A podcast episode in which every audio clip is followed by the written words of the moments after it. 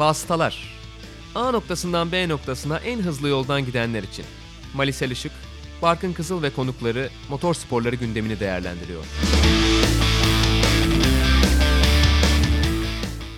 O ikisi de yavaşladı. İkisi de çok yavaşladılar ama Da Costa hemen arkalarında. Verline hızlanıyor. Damalı bayrağı ilk sırada görecek mi acaba? Bakın ne kadar yavaşladılar. Aa! Aa! Aa, Di Grassi. bir şey. Di Grassi geçti İnanılmaz bir şey. İnanılmaz. Son 5 metrede geçti. Olmaz böyle şey. Sokrates Podcast'te Vasıtaların 7. bölümünde karşınızdayız. Sevgili Berkem Ceylan konuğumuz ben Mali Selişik. Ben Barkın Kızıl. Hoş geldin Berkem. Merhabalar hoş bulduk. Bak bu sefer sıra sıralamada sorun olmadı. Cem'i konuk aldığımızda Cem Bölükbaşı'na ufak bir fodepar yapmış. Dinleyicilerimiz de fark ettiler. Ben hoş geldin demeden hoş bulduk. işte yarışçı refleksi başka bir şey. Tolerans dışında mı kalmış? Tolerans içinde kaldığı için ceza almadı işte. Spotify bir inceledi. Ee, haftayı ilginç bir motosiklet şampiyonasıyla açacağız. Britanya Superbike şampiyonasının finalini sen anlattın Berkem. Acayip de bir final olmuş. Evet ya bana denk geldi sezon boyunca ilk kısımda sevgili izgi sonrasında Barkan anlattılar ama final bir şekilde bana denk geldi. Ee, Scott Redding ve Josh Brooks arasındaki final. Brands Hatch'taki üçlü yarışa kaldı. Üç yarışı da kazandı Josh Brooks ama Redding e, önce üçüncü sonra ikinci sonra tekrardan üçüncü olarak 5 puan farkla Britanya Superbike şampiyonu oldu. İlk kez e, Britanya Superbike'ı kazandı. MotoGP'de son yıllarda pek istediğini bulamamıştı. Ee, geçen yıl artık devam etmeyeceğim dedi ve daha önce hiç yarışmadığı Britanya Superbike'a gelmişti. İlk senesinde de şampiyon oldu. E, motosikleti ne kadar sevdiğini, e, onun için hani bir meslekten çok belki de bir yaşam biçimi olduğunu hemen anlayabildiğiniz bir isim. Brooks'un da yanlış bilmiyorsam dördüncü Britanya Superbike ikinciliğiydi. E, o da yeni bir yıl, yeni bir ikincilik diyerek kendi şanssızlığını bu şekilde ifade etti. Biraz Sterling Moss'luğa da doğru. Evet. Ama şey bir de gerçekten hani Aprilia'da süründükten sonra bir sene British Superbike yapıp ondan sonra önümüzdeki sene de şampiyon olabilecek motosikletle Superbike Dünya Şampiyonası da yarışacak olması çok iyi bir bir senelik hamle oldu. Benim söylemek istediğim şuydu. Ducati'den takım arkadaşları biliyorsunuz ikisi de. Brooks'la Redding. İlk iki oldular. Ee, Batista'nın iyi formu devam etseydi Superbike'ı domine edebilirdi Ducati markası. Ama onu kaçırmış oldular. Biraz onu düşünmüştüm ben de şampiyonluğu. Buradan Jonathan Ray övmeye doğru adım adım ilerlesin. Valla gidiyorum yavaş yavaş. Beni durdurmazsanız öveceğim. O yüzden geçebiliriz isterseniz. B-Weiser Ducati'ydi değil mi onların Evet, takımı? B-Weiser Bay, Ducati. baykuşlu öyle. Zaten hani o adlarına yakışır şekilde yarıştılar son Vay. hafta. Ee, Çok birbirlerini. Gerçi zorlayacak pozisyona da gelmediler pek pist üzerinde. Ama güzeldi yani. Brands Hatch bir kere her zaman çok keyifli. Şey bir de enteresan. Onu belki son bir not olarak söyleyeyim. Britanya Superbike'a. E, Redding'e ilk teklif geldiğinde Britanya Superbike'da yarışır mısın diye B-Wise'dan e, güvenlik tarafını düşünmüş işin. Yani özellikle Alton Park, ne bileyim Thruxton gibi pistlerde güvenliğin MotoGP standartlarında pek olmadığını E, Cadwell Park'ta uçuyorsun değil mi işte altında Cad- yani aynı zaten şekilde. Cadwell ve Alton bence en Ha. e, riskli pistler hali hazırda. Hani herkes yap- yaptığına göre ben de yapabilirim demiş ve o şekilde kendini ikna etmiş. O bana çok enteresan geldi. Ha. Benim sevdiğim bir şey var aslında Britanya Superbike Şampiyonası'nda diğerlerine göre işi daha güvenli hale getiren. Düştükten sonra asla kalkıp devam edemiyorsunuz ya motosikleti kaldırıp. Bence o güvenlik açısından artı sağlayabilecek bir durum ama dediğin gibi pistler biraz daha Ayağa olduğu için kalkabiliyorsan ayağa devam kalkabiliyorsan etmesen de devam etmesen de olur. Aynen öyle. Elevasyon değişimi olarak herhalde diğer serilerin hepsinin önünde gibi gözüküyor. Yani benim takip Büyük ettiklerimin ihtimalle. önünde en azından. Öyledir. Cadwell ve Alton farkıyla haklı olabilir. Tabii tabii. İstanbul sokakları gibi yarışıyorlar. İnişli çıkışlı sürekli. Yani, yani keşke bizdekiler de pistlerde yarışsa. Nasıl? Güzel. Vay be. Kamu spotu. E, MotoGP'de de yine Marc Marquez kazandı. Fabio Quartararo ikinci oldu. Bazı şeyler değişmiyor. E, Premier sınıf galibiyetleri de Mick Doohan'ı yakaladı Marc Marquez. Üçüncülük mücadelesi keyifliydi gerçi. Hani yarışta bu sefer son tura giden bir galibiyet mücadelesi görmedik ama işte Vinales kapıştı. Andrea Dovizioso vardı orada. Franco Morbidelli Jack Miller böyle birbirlerine çeşitli hareketler falan yaptılar. Yani yine izlendi açıkçası ama bu sefer e, Marc Marquez çok da e, yer bırakmadı. Honda da şampiyon olmuş. Evet Honda dört kere üst üste şampiyon oldu. MotoGP'nin kralı oldu biliyorsunuz. Ha bir de çok ilginç. Marc Marquez olmasaydı büyük ihtimalle ilk ikide bile yer almayacakları bir durumdalar. Yani sadece o motosikleti Marc Marquez iyi kullanabildiği için. Ama şanslılar işte oluyor bazı şeyler. Formula 1'de istedikleri başarıyı MotoGP'de yakaladı aslında Honda. Yani Honda motor sağlayıcısı olarak tabii üstleri oynamak istiyor ama şimdilik Red Bull'da üçüncü gibi gözüküyorlar. o da fena MotoGP'de ya. ama çok iyi bir başarı tabii. Evet, evet. İşte tek adamın bir şekilde e, takımı sırtlamasıyla da buralara geliyorlar. Yani Crutchlow sürünüyor, Nakagami sürünüyor. Ama işte Mark Marquez olunca gerisi çok önemli değil. Jan Magnussen'le devam edelim. Corvette'le yollarını ayırdı Magnussen. 16 sezonda 4 Le Mans galibiyeti, 4 Sebring zaferi, bir kez Daytona'yı kazandı, 4 kez de IMSA şampiyonu oldu. Çok önemli bir kariyer. Mem- Sonuna geldi gibi. Mehmet Ali senin Magnussen demene izin veriyor mu bu programda? Magnussen. evet. Bu konuda çok hassastı kendisiyle. Yok ya telaffuz konusunda kendim yayınlarda. hassasım. Ya Charles Leclerc diyor onu da hiç düzeltmiyorum mesela. Çünkü şey Leclerc de kendisi bazen Charles Kendisine diyor. öyle dediği için ben, Yani yani ben de zaten Magnussen da Magnussen diyor kendini tanıtırken. Ben sadece Yan öyle. öyle mi diyor? Ha şey Kevin, Ke- Kevin, Kevin, Magnussen diyor. Ya o çok değişen bir şey bir de zaten Aynen. ama ben kendim biraz böyle minik şov yapayım. Bir de Danimarka genelde sen milliyetçisi olduğu için bir de senle kabinde olduğumda özellikle dikkat ediyorum. Hollanda telaffuzda özellikle Felemenkçilere. Şimdi falan. birazdan Formula E konuşunca e, yeni pilotlarımız var. Tabii tabii. Onların Onlardan da telaffuzlarına da bakarız. Ya Jan Magnussen hakikaten bir markayla özdeşleşen ve Formula 1 dışında e, otomobil sporlarında e, bir markayla özdeşleşen e, sayılı pilotlardan bir tanesi. O açıdan çok özel. Senin de çok sevdiğin adamlardan bir tanesi zaten. Valla Le Mans'ı sevdiren pilotlardan biri herhalde bana Jan Magnussen. Ee, özellikle Oliver Gavin'le beraber 2000'ler ortalarında Corvette ve Aston Martin arasındaki o zamanlar GT1 sınıfıydı. Araçlar daha büyüktü işte motorlar 6 litre falandı. Ee, o ekibin, o sarı arabaların içindeki adamlardı yani Jan Magnussen ve e, Oliver Gavin. İkisini de o yüzden çok severim. Ama neden hani Corvette'i seviyorsun dersen tabii en başta o motor sesinin herhalde çok büyük bir etkisi vardır diyebilirim. Anlayamazsınız diyor musun vasıtalar dinleyicilerine burada? Yok Hani vasıtalar seyircisi tam gibi. anlayabilir. Anlayabilirler Evet, değil mi? Yani Tam vasıtalar değil de başka şeyler dinliyorlarsa o zaman anlayamazsınız diyebiliriz. Doğru. Ya bir de e, dediğin gibi Oli Gavin'la olan ortaklığı bir, bir yöne bir noktaya kadar çok güzel devam etti. Ardından sonra Antonio Garcia ile birlikte yine çok iyi bir ikili oluşturdular ve çok uzun süre yani hakikaten 16 sezon dile kolay tek takımla. Öyle bir de Magnussen'in pek yeni jenerasyonun pek hatırlamadığı Stewart'la Formula 1 serüveni var. Hmm. Ondan evvel esas Britanya F3'te e, Ayrton Senna'nın yarış rekorunu, Britanya F3'teki Ayrton Senna'nın yarış rekorunu kırıp Formula 1'e geldiği bir dönem var. E, onların da değerini bence unutmamak gerekiyor. Evet, bir dönem Danimarka'nın çıkarttığı en büyük yetenekti. Tabii. E, ama işte o Stewart serüveni pek iyi gitmeyince Formula 1 kariyeri ne yazık ki hiçbir zaman e, yükselemedi ve biz onu spor araçları dünyasında e, ne diyelim şanslıları olarak kaptık bir nevi ve Le Mans sahnesinde sonrasında işte e, Amerikan Le Mans sahnesinde imzada e, çok güzel yarışlarını hatırlıyorum ben Jan Magnussen'in. Ya bir de Danimarka onun üzerinden ve Tom Christensen'in üzerinden güzel bir ekol oluşturdu ve e, GT sınıflarında, endurance yarışlarında hala devam eden ve yeni isimler çıkarmaya devam eden bir ekol oluşturdular. İşte en Kesinlikle. son örneklerinden biri Nicky Tim. Çok özel bir delidir o da yine e, YouTube kanalından takip edebilirsiniz. Yani Magnussen onun yanında kont gibi hani adam kalıyor. Tabii. E, şey çok farklı bir adam Nicky Tim. Evet. Çok hızlı olmakla beraber ki sevgili Salih Yoluç'un da bir dönem e, takım arkadaşlığını yaptı. Hem Blancpain'de hem nerede yapmıştı? Şeyde yaptı. VEC, GT Vec'te- Amatör'de yaptı. GT Amatör'de birlikte yarıştılar diye hatırlıyorum. Magnussen Corvette'den ayrıldı ama kariyerine devam edecek gibi gözüküyor. Şu anda e, 73 doğum kaç yaşında oluyor? 46 yaşında. Az E, değil. Yani ama çok da değil. Bu Ama çok da yaşlarda değil. çok fazla yarışlara katılan isim var. Sadece centilmen sürücüler de değil. Profesyonel sürücüler de o yaşlarda yarışıyor. 55'e kadar gidiyor. Bir Bakalım de Tracy nereye Krohn var. gidecek tabii. Daha istedi. 10 sene daha yar- Yok 10 sene abarttım.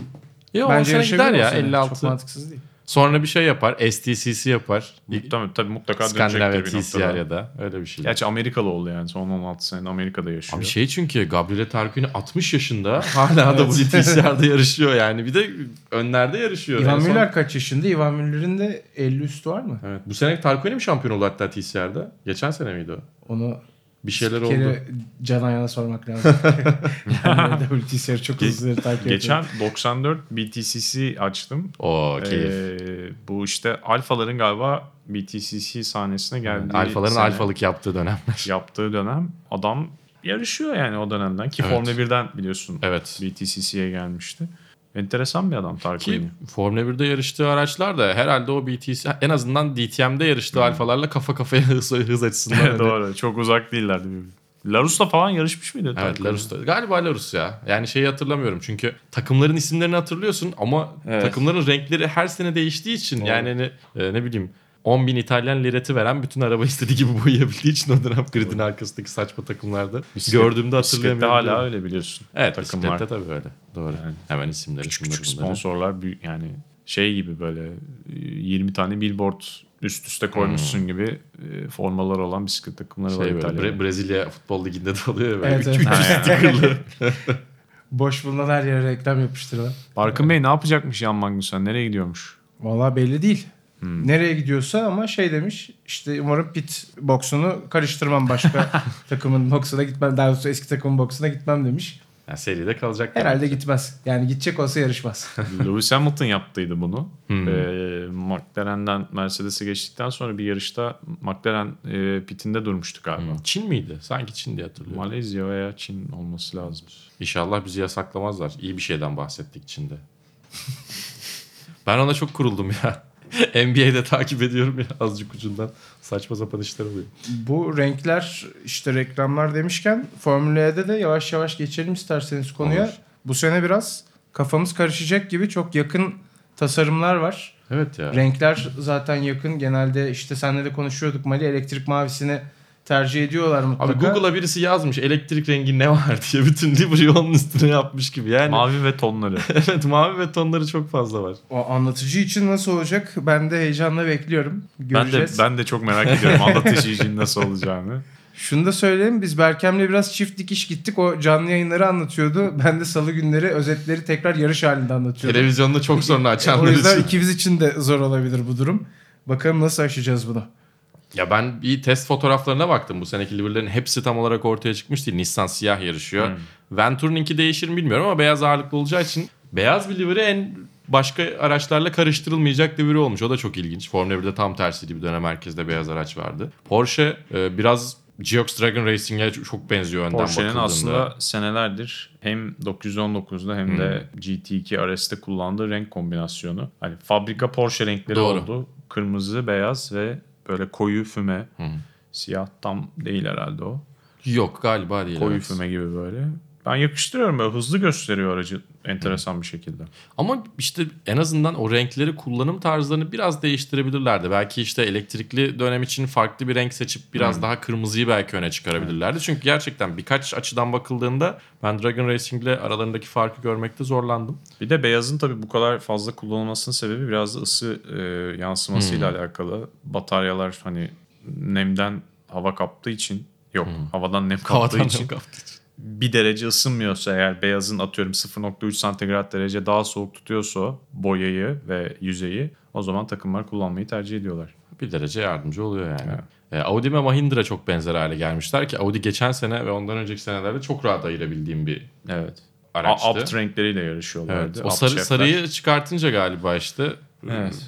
ben önden bakıldığında yine motor kapağının üstü birinde yeşil birinde mavi. Onun dışında Mahindra ile Audi de çok benzer hale geldiler. İşte Mercedes Jaguar'a biraz benziyor ama Jaguar biraz akıllık yapmış. Çamurluk denilen yani çamurluk mu diyoruz herhalde çamurluk diyoruz. Yani evet.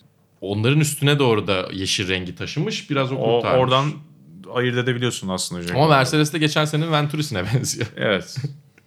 yani ben çok işler. sorun olacağını zannetmiyorum. Zaten İlk bir iki yarış Ha, belki. ilk iki yarış ama hakikaten böyle müdahale gerektiren bir durum olursa ki biliyorsun yapıyorlar Formula bir durumu yapmışlardı zamanında. Mutlaka Formula E yönetimi müdahale edecektir. Evet, şunların nimeti yani çünkü güzel. televizyon yayınları tabii Formula E ki. serisinin. Bunun dışında böyle bir takım kural değişiklikleri var. Büyük kural değişiklikleri yok bu sene. Bir kere ikinci nesil aracın ikinci sezonu ve tam sezon arasında e, bir sezon daha fazla kullanımı aracın onaylandı. Yani normalde 3 sezon kullanılması bekleniyordu bu ikinci nesil aracın. Toplamda 4 sezona çıkarıldı. Bu hem biraz maliyetleri düşük tutmak hem işte araştırma geliştirmeyi e, masrafını düşürmek hem de aynı şekilde şeyi azaltmak için e, yani serinin oturmasını biraz da sağlamak için aslında bakarsanız. Dolayısıyla bir de o önemli bir haberdi bana kalırsa. Yani bir sezon daha fazla izleyeceğiz ikinci nesil araçları. Bir de şey artıyor değil mi? Push to pass sistemindeki Evet. güç kullanımı artacak. Yavaş yavaş daha da önünü açıyorlar aslında. yani. Atak- Zaten olan bir potansiyel. Evet, atak modunda araç 235 kW'a çıkıyor. 225'ti. Normalde yarış hızı 200 küsür yanlış hatırlamıyorsam. 225'ten 235'e çıkıyor. Yani bir 10 kW arttırıldı e, atak modu kullanımı ki bunu yarışta iki kere kullanabiliyorsunuz. 2 dakika boyunca. Ama bunun da işte sadece mesela Monaco'da pilotlar geçen sene bunu sadece savunma yapmak için kullanmışlardı. Hmm, evet. Yani arkadaki Karşı atak, atak modunu için, açıyor. Hemen zaten mekaniker diyor ki Barkın geliyor arkadan hemen atak modunu aç. ben de açıyorum diye oradan. Ha, Sen yani. de açıyorsun. Yıldız savaşları gibi bayağı bildiğin. Death Star'ın üstünde TIE zaten- Fighter'lar gibi. Ee, pist darlığı açısından baktığında da çok benzer Monaco'yla o kısım. Yani evet. Ee, Atak modu uygulaması da tartışmalı aslında. Çünkü bazı pistlerde çok kolay onu alabiliyorsunuz. Bazı Hmm. pistlerde çok yarış çizgisinin dışından gelerek alabiliyorsunuz. Atak modu aktive etmek için iki sıra kaybeden sürücüler oluyor. Yani Doğru. o sistem çok doğru Ah be çalışıyor ama abi ben değdi mi diyorsun. Özellikle geçen sene neresiydi bakayım. Tempelhof'ta çok uzak. Temple of da çok saçma bir yerdeydi. Ee, Asya'da bir yerde çok kötü bir yerdeydi. Sanya mı acaba? Sanya olabilir. Sanya zaten komple kötü bir pist Evet. ne yazık ki. Artık yok o yüzden. Evet gitmiyorlar oraya. Bu arada takvimde de değişiklikler var. Şimdi Asya çok önemli bir pazar. Ee, Asya'da çünkü özellikle Çin pazarı son yıllarda başta lüks firmalar. LeBron James gibi konuşuyorsun helal olsun. Yok yok yani ciddi şekilde pazar oraya Doğru doğru. kaydı. Ferrari'ler yani üst sınıf en üst sınıf Lamborghini'ler. Ee, Porsche mesela peynir ekmek gibi araba satıyor. İki tane Çin Çin'de. takımı var burada bir de yani. Hani son Keza şampiyon diye var. seçilen Çin takımı. E İşte Çin'in ekonomisinin e, büyümesi belli her ne kadar bu yıl biraz resesyona da girmiş olsalar. Dolayısıyla Asya çok önemli bir pazar Formula E için. Hong Kong daha da önemli bir ayak ama bu son e, protestolardan dolayı ki orada da sular durulmuyor yani. Evet. 6 ay geçti zannediyorum ki. Olabilir. İptal etme kararı aldılar. Hong Kong'a gitmeyecek Formula'ya bu sezon. Bence önemli bir değişiklik. Evet. Buna rağmen yine bir sürü Asya durağı da var ama. Onu da söyleyelim tabii. Çin'e gidiyor, Güney Kore'ye gidiyor, e, Endonezya'ya gidiyor. Güney Kore'ye ilk defa gidiyorlar. O önemli bir detay. Londra geri dönüyor. Ee, Londra da tabii önemli bir şehir. Onun dışında e, Santiago'da geçtiğimiz haftalarda büyük protestolar vardı. Ulaşım zammından dolayı. Hmm. Böyle bayağı otobüs falan yaktılar. Orası da değişebilir diyorlar ama sonuçta Ho- Hong Kong'daki kadar büyük şekilde protestoların devam etmesini beklemiyorlar tahmin ediyorum ki. Dolayısıyla değiştirmeye herhalde gerek kalmayacak. Yani takvimde hala bu arada belli olmayan kısımlar da var. Endonezya, Jakarta'ya gidecekler. Nerede olacağı belli değil. Çin şu anlık Sanya olarak görünüyor ama onu başka bir yere taşıma e, planları var bildiğim kadarıyla. Yani Sanya biraz şeydi işte. Kaç milyar dolarlık, birkaç milyar dolarlık bir resort otel yapmışlar ve onun etrafında. Biraz şey gibi işte Rusya gibi. Soçi gibi aslında Hmm, bakarsan evet. orası. Tam Doğru. böyle güneyde yazlık bir yer. Birkaç bisiklet yarışı da yapıldı çünkü orada oradan biliyorum.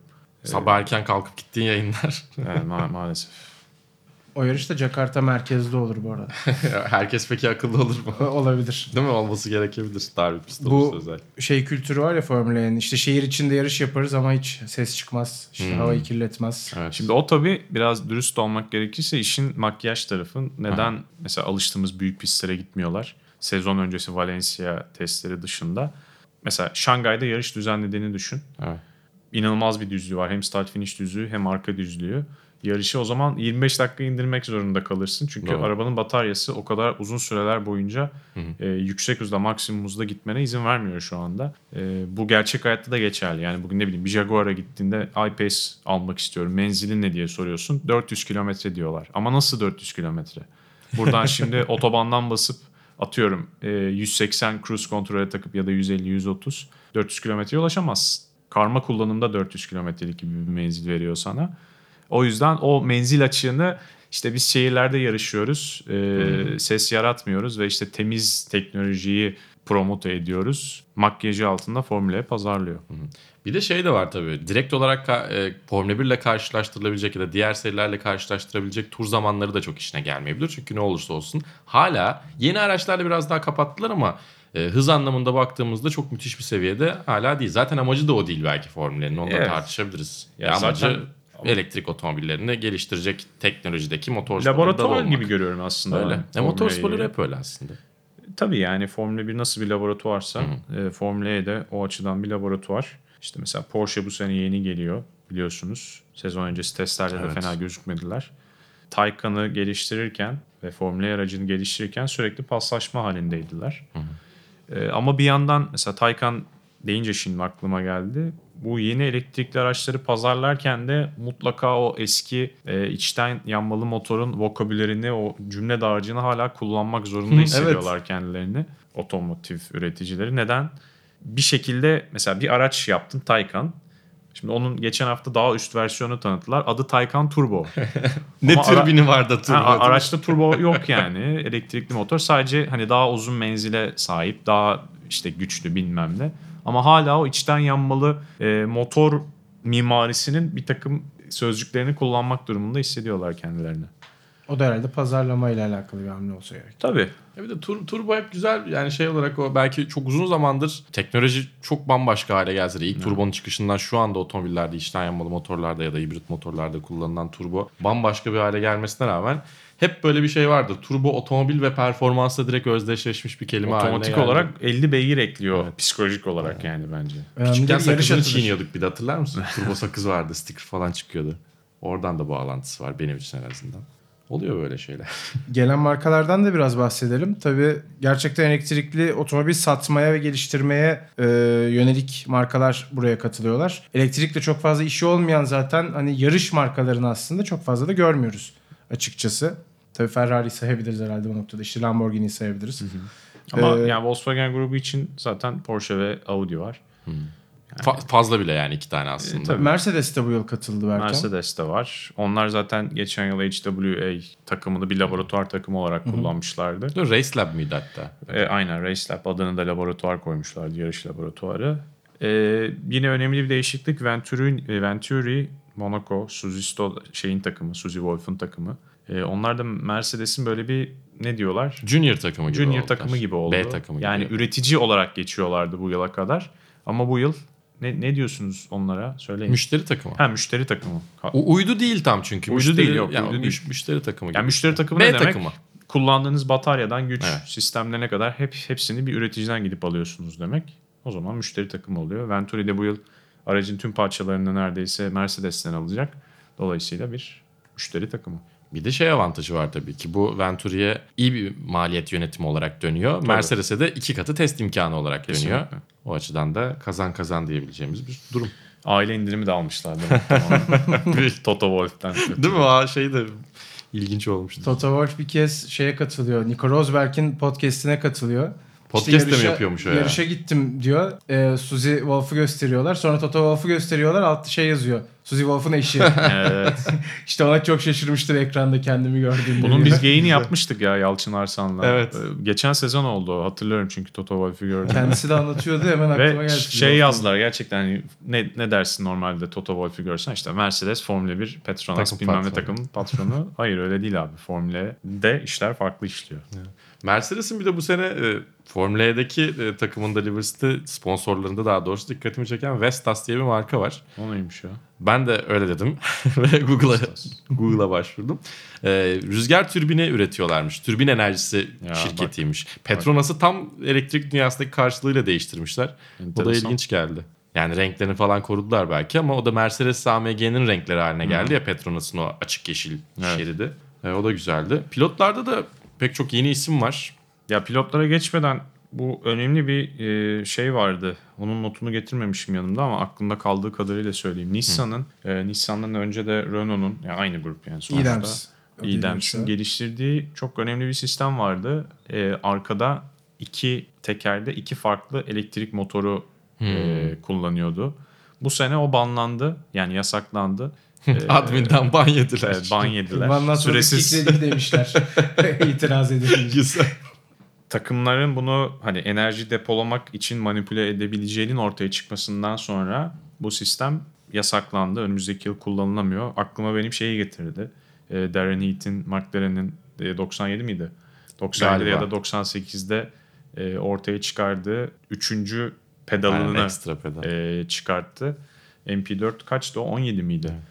17'de işte e, üçüncü bir fren pedalı sayesinde bağımsız bir fren sistemiyle arkadaki lastikleri kitleyip aracı daha rahat, daha doğrusu viraja daha hızlı taşıyıp aracı sonrasında üçüncü pedalın yardımıyla Kafadan kaymayı ee, azalttık. Kafadan kaymayı azaltıp bu şekilde döndürüyorlardı aracı. FIA hemen banlamıştı bunu yasaklamıştı. O sisteme tam benzemiyor arka tekerlerin ortak noktası olması dışında. Ama bence çok yenilikçi güzel bir Evet. sistemdi. Ya o sistemi de senin söylediğin e, Darren Heath'i de biraz açalım. For- Çok uzun zamandır e, iyi işler yapan ve gerçekten bu anlamda işin zirvesindeki adamlarından biri olan bir fotoğrafçı. Bayağı paparazziye kurban gitmişti McLaren Evet. yani kokpiti çekiyor. e, Yani ve aslında pedallar görünüyor Ondan orada. önce Imola'da bir fotoğraf çekiyor. McLaren'in bir fotoğrafını çekiyor Darren Heath. Bir virajın ortasında tam yani Apex'teyken. Bakıyor ki ön fren diskleri kızarmış ama arkadaki fren diskleri daha fazla kızarmış. Hmm. Ya bu mümkün olmayan yani mümkün teknik olarak ama performans alamazsınız araçtan. Her zaman biraz daha öne yatkın olmalı e, fren Dengesi. balansı dengesi. Böyle bir şey mümkün olamaz diyor. Şüpheleniyor. Sonra e, o hafta sonu galiba Mika Hakkinen yarış dışı kalınca böyle sinsice onun arabasının yanına gidiyor ve tam çekici alınmadan aracı kamerasını sokuyor kokpitin içine ve şeye basıyor. E, fotoğraf çek tuşuna basıyor. O şekilde üçüncü pedal ortaya çıkıyor falan filan. Güzel bir hikaye. Çok, Benim çok, çok, hoşuma gider. hikayelerden bir tanesi. Aynen öyle. Ve şey de güzel değil mi yine tekrar Formula'ya getirirsek yavaş yavaş bazı teknolojilerin banlanmaya işte yani yasaklanmaya başlaması da ileriye adım attığını gösteriyor Kesinlikle. sporun. Yani en önemli adımlarından bir tanesi. Bence bunu görünce şey diyorsun ha Formula bir şeyler geliştiriyor ve ilerliyor. Bir de Nissan Air Dams demişken aslında e, Dams'ı bu zamana kadar getiren e, Jean-Paul Drion'un e, oğulları geçtiğimiz yıl Jean-Paul Drion'u kaybettik. Bu yıl içerisinde mi? Geçtiğimiz yıl mı? Bu sezon. 2019. Bu sezon pardon Yazın. 2019 doğru. Yazın Geçtiğimiz sezon daha doğrusu. Ee, onun oğulları e, takımı yöneteceklermiş. O da e, ilginç olacak. Hani bakalım. E, Dams tabii ki sadece Formula E değil ya da sadece alt seriler değil. Bir dönem Formula 1'e de girmeye çalıştılar. Yani Fransız motorsporların çok önemli takımlarından Çok bir profesyonel bir garaj takımı demek lazım. Aynen öyle. E-Dams olarak da gibi. şimdi süper devam ediyorlar. E, umarız başarıları aynı şekilde devam eder tabii ki. Formula E'de tabii 6. sezonda pilot kadrosuna geçmeden önce bir ufak kural değişikliği daha var. Ondan da bahsedelim istiyorsan Berkem. Ee, bu kural değişikliğine geçmeden önce bir bandımız var. Hep beraber bir onu izleyelim. Sonrasında devam edeceğiz. VTR'miz var. VTR'miz var. İki dakika böyle sessizlikte bant izliyoruz biz. Bant izleme sesi. Ee, şaka bir yana şeyi aslında hatırlatmak için bu altlığı yaptım. Geçen sene Meksiko City finalini izleyen seyircilerimiz, dinleyicilerimiz hatırlıyorlardı. Belki Pascal Wehrlein uzun süren bir güvenlik aracı periyodu sonrasında son böyle 300-500 metrede e, bataryası bittiği için Lucas Di Grassia'ya geçilmişti. E, bu tip durumların önüne geçilmesi için şimdi Formula E çalıştayı böyle bir e, çalıştay yaptı daha doğrusu ve güvenlik aracının arkasında geçen her bir dakika için 1 kilowatt bölü saat gücünüzden düşeceksiniz. Yani mesela 10 dakika girdi diyelim güvenlik aracı. 5 tur yani yuvarlayarak söylüyorum. 10 kilowatt bölü saat kapasitenizden düşürecek yarış yönetimi. Bunu da Eco vasıtasıyla yapıyorlar. Böyle bir format. Bu neden var peki? Geçen sene Verlaine'in yaşadığı gibi e, enerji şeyinin neyin diyeyim Yönetiminin. e, yönetiminin birazcık pilotların elinden alıyorlar. Hız anlamında değil, yarış süresi anlamında. Ya çok mantıklı. Evet. Yani- Sizin yine enerji yönetiminiz kendinize kalıyor normal yarış süresi Sürüstenizi içerisinde. yine ona göre Evet. ayarlamanız gerekiyor. Bir de galiba fan boost ve atak modunu güvenlik aracı arkasında kullanamayacaklar. Öyle Evet. bir mini çakallığı da engellemek adına. Daha hızlı bu, başlangıç için. aynen, onu- bu çalıştayda alınan ikinci karar, karar galiba o da. Çok mantıklı bu arada. Değil mi? Yani çünkü onu kullanmayacaksan, atak yapmayacaksan iki kere harcamak zorundasın ama tam olarak kullanmış olmuyorsun. Ne manası var? O zaman niye var o? Barkın bu sene dikkatini çeken ve seni heyecanlandıran bir pilot var mı? Evet, Ferrari'nin son şampiyonu diyebileceğimiz James Calado var. O yüzden tabii ki heyecanlanıyorum. Bir gözüm Jaguar takımının üstünde olacak. Tabii sadece Calado'dan değil diğer gelen isimlerden de biraz bahsetmek lazım. Ee, Kinko Ama geldi. Bizim WTCR'da izlediğimiz bir Çinli sürücü o da Alfa ile yarışıyordu. Hatta bir FIA Dünya Şampiyonası'nda yarış kazanan ilk Çinli sürücüydü bildiğim kadarıyla. Biraz o tabii Neon baskısıyla geldi. Evet Nio ile yarışacak diyecektim ben de tam. Ee, onun dışında Brandon Hartley var. Tabii en önemli eklemelerden bir tanesi. Hem Formula 1 kariyeriyle hem bu sene işte VEC'te Toyota Gazoo Racing'le e, yarışıyor. O yine buraya eklendi. Tam bir redemption oldu onun kariyeri de. Bir noktadan sonra çok güzel hak ettiği şeyleri bulmaya başladı. Ben çok memnunum Brandon Hartley'nin buralara gelmesinden. Evet ama o daha çok Porsche fabrika takımındaki koltuğu istiyordu. Hmm. Onlar da bir, ya Porsche'de biliyorsun şey yarışıyor. E, Niliani ile Andre Lotterer. Andre Lotterer. Niliani zaten geçen sezon açıklanmıştı. O ikinci koltuk için özellikle Hartley ve Lotterer'in adı geçiyordu. Hartley mi Lotterer mi Hartley mi Lotterer mi derken Lotterer aldı. de şeklinde. Dolayısıyla şimdi bence çok da müthiş işler yapmayan Penske takımı. Neydi adamın adı? Roger Penske. Jay Penske. Jay Penske. Roger'ın oğlu Jay Penske. Roger'ın oğlu Jay Penske. Takımı yönetiyor. İyi bir takım arkadaşı var Nico Müller. Evet o da ilginç olacak. Son DTM ikincisi Nico Müller. DTM'e de devam edecekmiş. ikisini bir arada götürecek. Bir yarış çakışıyor galiba DTM'le. Yok DTM değil miydi o? Yok DTM'le değil Vek'le çakışıyor. Orada da işte hala ne yapacaklarını bilmiyorlar. Sebastian Buemi daha karar vermedim hangisini tercih edeceğim. New York galiba çakışıyor bir yerde bir de. Evet. Ki daha Sezon önce de finali. New York çakışıyordu. Sebastian Buemi bundan iki sene önce yine katılamamıştı. Belki o yüzden şampiyonluğu vermişti. Ya genel anlamda baktığımızda da Pechito Lopez'i Geox Dragon'ın salmasına Pechito Lopez çok içerlemiş. Beni niye saldınız ben iyiydim. Şanssızdım biraz ama iyiydim demiş ama çok ortalama gidiyordu yani. Valla Hani pek iyi değildi ya bence. Belki Çok ortalamaydı. bilmiyorum ama. Bir de WTCC'den getirdiği hype'ın tamamını orada kaybetmesiyle birlikte benim gözümden biraz düşmüştü. Bence Pechito Lopez şeyde de çok iyiydi bu arada. Vek, Evet, Toyota aynen. Katılıyorum bence de. De o üçlünün en vasat pilotuydu diye düşünüyorum. Çok hata yapıyordu çünkü. Evet. Yani o da ilginç. Hatasız sürüşlerle binek otomobillerde kendinden söz ettiren bir adam olarak hakikaten ilginçti ama bence doğru karardı. Yine tabii değişiklikler var. Sadece dışarıdan gelenler değil. Ee, aynı zamanda e, seri içerisinde de pek çok değişiklik var. Lotterer'den bence ilk bahsetmek lazım. Çünkü şampiyon diye Seçita takımından ayrılıp e, işte yeni takımına gitti. Bence çok iyi bir sürücü. İzlemesi çok zevkli, çok fazla geçiş kovalayan, yarışa sürekli tat katan bir sürücü ve ön sıralara çok rahat tırmanabilen. Hani 12.lük, 13.lükten ilk 3'e çok rahat gelebilen bir isim. O yüzden ilk bence ondan bahsetmemiz lazım. Bu gridin en iyi sürücülerinden bir tanesi olduğunu düşünüyorum ben kendi adıma. Katılıyorum. Yani şampiyonluk e, adayı olarak tabii ki test zamanlarını görmedik henüz. E, Her takımın eşit olduğunu düşünürsek mutlaka ilk 3'e ilk 5'e yazmamız gerekenlerden bir tanesi. Ki birkaç farklı takıma dahi gitse yine yazabileceğimiz derecede bir ekstra pilot katkısı da getiriyor.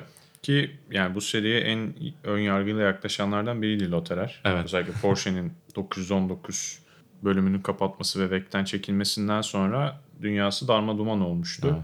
Hani son bir seçenek olarak ne yapayım? E, iyi madem Formula'ya gideyim demişti.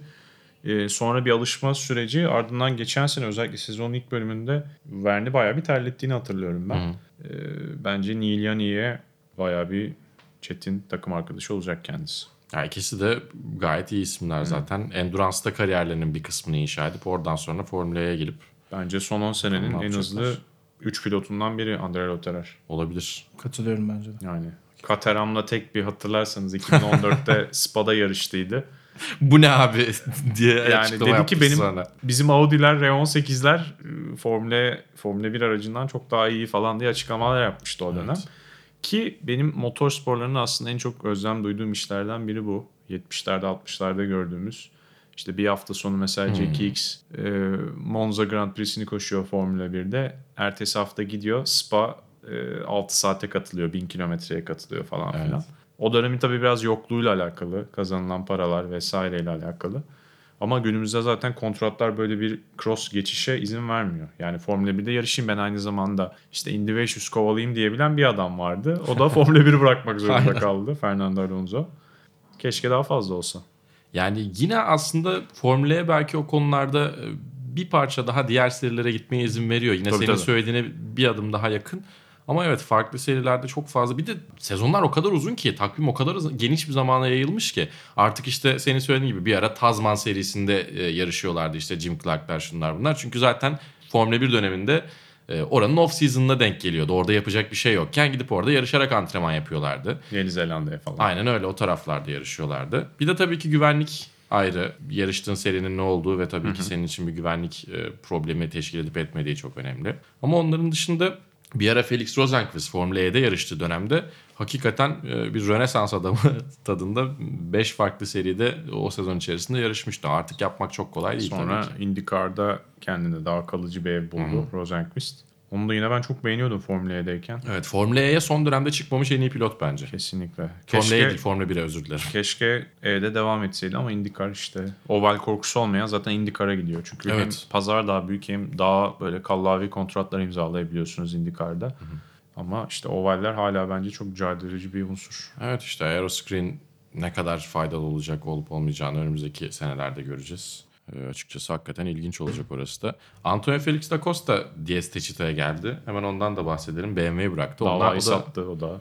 evet hakikaten öyle oldu. Gerçekten davayı sattı. Uzun yıllar BMW'de gördüğümüz bir adam olarak Yani ben de şaşırıyorum biraz. zaten gidebileceği BMW'den sonra gidebileceğiniz işte ya Porsche'ye gidebilirsiniz bence üretim anlamında ya da ne bileyim Formula'nın en iyi takımı diyebileceğimiz en azından geçen sezona kadar DS Techeeta'ya gidebilirsiniz. O da DS Techeeta'ya gitti. Çünkü orada da Lotterer'in koltuğu boşaldı. Çok iyi bir ikili bence. Bence. Da Costa ve Jean-Eric Verne. Ama bir şey söyleyeyim mi? Çok kapışırlar. İşte Sezon bak- içerisinde yani Geçen senelerde Lotterer ve Verne bir noktaya kadar kapışabiliyorlardı. Çünkü çok iyi iki arkadaşlar. Evet. Ama Da Costa ile öyle bir bireysel bağı yok Verne'in.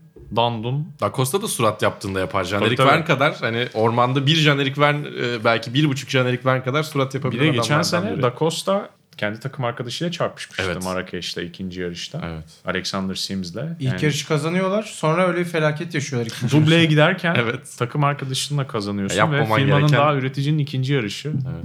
Çok acayip bir olaydı o da. E, BMW'de Maxi Günter'i aldı. Ki o da çok iyi bir transfer gibi duruyor. F3'te iyi işler yapmıştı Maxi Günter. Testlerde de zirvedeydi. Ama tabii ki tecrübe açısından neler yapacağını göreceğiz. Sen niye yani dedim ben beğeniyorum Maxi Günter'i.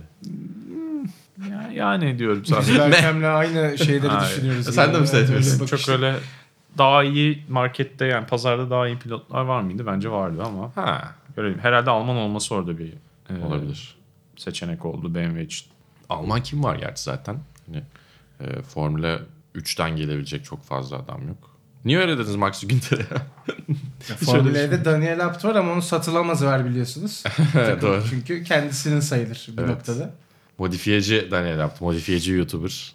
E, onun da e, Sokrates'te röportajı vardı. Sen bize biraz şu Kalado hayranlığından bahset. Ya Ne- hayranlık nereden demeyelim. geliyor yani? James Calado Türkiye hesabı ne zaman açılacak Twitter'da? Ben sorayım hemen. Ee, James Calado bildiğiniz gibi VEC'te Ferrari adına yarışan isimlerden bir tanesi. Hayranlığı tamamen buradan geliyor yani. Gönül Dedin ya Ferrari'nin son şampiyonu. Ferrari'nin 2017 son şampiyonu VEC. olması sebebiyle Şahlanan at seni çekiyor yine anladığım kadarıyla. biraz çekiyor evet. Biraz çok az. Ki o şahlanan at ve Formula E beraber programı uygulayan isimlerden biri de Sam Bird'tü hatırlayacaksınız Hmm, evet. ama e, özellikle VEC'in takvimini çok geç açıklamasından dolayı Ferrari'ye komit edemedi. Yani Ferrari ile sözleşmesini yenileyemedi. Sadece Formula E koltuğu kaldı elinde Sam Bird'ün. E, o açıdan da biraz kızgındı VEC Evet, ters köşede bıraktılar onu. üreticilerine. Pek üreticisi değil VEC takvimcilerine diyeyim. Takvim hazırlayanlarına, Evet. müfredatçılarına. Acaba Yani- tek seride yarışmak bir sürücü için daha kolay oluyor mu? Maddi olarak kesin daha kolay olmuyor ama. Yani planlama açısından daha iyidir belki ama ya bir noktada Formula'ya zaten oraya gelecek gibi geliyor. Yani sadece Evet. Formula'ya yarışan pilotların olduğu ve bütün şeyin oradan gittiği. Yani ona bir bakmak lazım. Şimdilik o kadar büyümediği yıllarda. için spor ve kontratlar kimseye onu empoze edemiyor Formula'ya. Hmm. Yani diyor ki benim bu kadar para verebilirim ama git istediğin yerde yarış. Dolayısıyla e, Formula 1'in sahip olduğu o görkemli, o baskılayıcı kontratları henüz öneremiyorlar. 10 sene sonra belki önerebilirler. Çok genç bir yarış serisi. 5 yıl tamamlandı şu ana kadar. Yani evet ben biraz da insanların haksızca demeyeyim ama acımasızca eleştirdiğini düşünüyorum Formula 1'in. Eleştirecek yönü var mı? Var. Yani tonlarca var. Çarpışan araba dersin, elektrikli, akülü araba dersin. Ee, biraz böyle dalga geçer gibi oluyor ama anlayabiliyorsun. Ama günün sonunda oranın bir Formula E platformunun bir bizim günlük yaşamımız eninde sonunda gelip dokunacak bir kocaman laboratuvar olduğunu unutmamak gerekiyor. Ee, işte şey diyorlar dizel skandalını unutturmak için 19 milyar dolar harcadı. Ee, Volkswagen grubu Porsche işte VEC'ten çekildiler. Formula E'ye geçtiler. Bir PR çalışması 19-20 milyar dolarlık bir PR çalışması olduğundan bahsediyorlar. Ya bu da bir düşünce. Ona da saygı duyuyorum. Acımasız olduğunu söylememle birlikte. Ama dünyanın gittiği yönü de artık hepimiz görüyoruz. Doğru. Yani içten yanmalı motor belli bir süre daha bizimle olacak ama e, çocuklarımız, torunlarımız, sonraki nesiller. Jetgiller gibi sesler çıkıyor. Evet. Ki bu arada Porsche Taycan'ın o sesini çok beğendim ben. Güzel bir araba Taycan ya. Ayrıca İyi bir bir ses ya- yapmışlar ya böyle araba, evet. space şey. Onu illaki yapıyorlar. Bir de bir taraftan Formula'yı eleştirirken şöyle de bir şeyden bahsetmek lazım. Jean-Eric Verne, Lewis Hamilton'ın Instagram'da paylaştığı storyler üzerine ki e, dünyaya insanın verdiği zararlardan dolayı hislenmiş arada hisleniyor e, Lewis Hamilton öyle. Abi Bunu herif da Instagram bence- storylerden paylaşıyor. Ya çok doğru şeyler de söylüyor, çok yanlış ifade ediyor bazen işte Çok- bence. Söylediği şeyler çok makul aslında. Çok emotik geliyor bana Lewis Hamilton. Öyle işte bunları Instagram storiesinden vermek yerine güzel bir röportaj ayarla bir şey yap. Daha üzerine konuşulsun. Bir how dare you de millete falan. Yani bence biraz pist dışında kim olduğunu arayan bir adam Lewis Evet. Hamilton çünkü yani çok o- küçük yaştan beri Ha, yani o karting içindesin. fotoğraflarını hepiniz hatırlıyorsunuz. McLaren tulumu falan. İşte Mika Hakkinen, Coulthard'la e, yanlarında böyle Nick Heidfeld'in F3000'de yarıştığı zamandan beraber bir fotoğrafları vardır onun. O dönemden beri motor sesi duymuş, yağ kokusu solumuş bir adam. Dolayısıyla çok dışarıda bir hayatı belli bir ölçüye kadar olmuş bir e, insan gibi geliyor bana Lewis Hamilton. Onun öyle ne iyi diyeyim arayışı Hezeyanları içerisinde bazen. Ama duyarlı olması Instagram'da çok iyi. yaşıyor gibi taraftan. geliyor bana. Evet. Yani e, aynı gördük zamanda be? aynı zamanda vegan. Belki hakikaten önümüzdeki yıllarda Formula 1'e bırakıp Formula E'ye gelirse e, o işi başka bir seviyeye taşıyabilir. Oraya bağlayacaktım aslında konuyu. Bir süperstarın Formula E'ye gelmesiyle işler tamamen değişebilir. E, ki şu anda da zaten çok güzel bir şekilde devam ediyor. E, bir sürü marka motor sporlarında başka herhangi bir seride görmeyeceğimiz kadar marka çeşitliliği e, ve tabii ki ilerlemesi gereken ve ilerlemesi e, en hızlı gelişen alanlardan bir tanesinde otomotivde. O yüzden Formula 1'in geleceği parlak. Umarım e, bize de gelir. Yani Temple of'tan görüp bizde niye olmasın diye benim çok kendi adıma hislendiğim ama storylere atmadığım şeylerden biri Bir de sürü- Atatürk Havalimanı'nda çok güzel olmaz mı ya? Bir sürü millet bahçemiz var oralarda bir yerde yapsınlar. abi. Evet yani Atatürk Havalimanı olmadan ya da işte yani orası şu anki haliyle kal, kalıp bir şekilde Formula'ya. İstanbul'a yapıyorsa hakikaten beni çok keyiflendiriyor. Şu cümle bile yetti bana yani. Yani umarım olur. Ciddi bir tabii para gerekiyor Evet. Formula'yı gerek geri getirebil daha getirmek için diyeyim ben. Geri getirmek. Bir de şey tabii. Formula 1'in gelebilmesi için senin çevreci bir şehir olman gerekiyor ya. Biraz biz ona da çünkü başka türlü olmayacak. Formula'ya gelsin diye İstanbul çok çevreci bir şehir olabilir. Ben bu konuda Yani- çok gerçekçi bakarım çoğu konulara. Çok özür dilerim ama evet Formula'ya gelene kadar İstanbul'un halletmesi gereken daha ciddi çevre Bu sorunları yayın var. öncesinde bize bilgiler geliyor. Hani şehrin hava kirliliği durumları falan elimize ulaşıyor. evet. Herhalde İstanbul'da nasıl bir değer çıkar onu çok ben tahmin edemiyorum. Şu ana kadar görmedim çünkü bu yarışlarda. Değil mi? Yani Hep iyi hani en kötü ihtimalle iyi hava İstanbul'dan rekor diye paylaşabileceğimiz. Olabilir. Ee, yavaş yavaş Fastaların 7. bölümünü de noktalayacağız ama öncesinde bu hafta sonu neler var? Bu hafta sonu Türk motorsporlarını yakından ilgilendiren iki e, yarış hafta sonu olacak. E, Ayancan Meksika'da olacak. Porsche Super Cup'ın son yarış hafta sonu olacak. Onlar da e, yine Eurosport ekranlarında sevgili Barkın Kızıl'ın anlatımıyla yayınlanacak. Evet Ayhan Can'la beraber Toprak Razgatlıoğlu da Superbike'da sezonu kapatıyor. Ee, hala sezon sıralamasında üçüncülük şansı var. Dolayısıyla hiçbir şey bitmiş değil. Ayhan Can için de tabii aynı şey geçer. Hatta Ayhan Can'ın şampiyonluk şansı da Yani devam kağıt ediyor. üzerinde var mı? Eğer olarak var. yeterince şanslı olabilirse ya da rakipleri şanssız Ki olabilirse. kağıt üzerinde şansı varsa Ayancan'ın bir şekilde gerçekleştiriyor. Evet, ben o yani yüzden daha artık zor diyemiyorum çok yakında Fransa'daki. gerçekleştirdiği için beklentiye girmedik desek yalan olur. Bakalım ne olacak? Gerçekten çok heyecanlı olacaktır. Bence Cumartesi ve pazar değil mi? Evet Ee, şimdi ben Ayancan'ın? söyleyeceğim sizlere zaten. Bu arada yani gerçekten çok nefis bir dönem Türkiye Evet. motorsporları tarihi için. Mesela dün ben şöyle uzandığı dalı şuradan örnek vererek hatırlatayım. Scott Redding'den bahsederken bir bakıyorsun Marco Melandri'ydi galiba ondan önce en genç yarış kazanan e, Grand Prix sürücüsü MotoGP'de.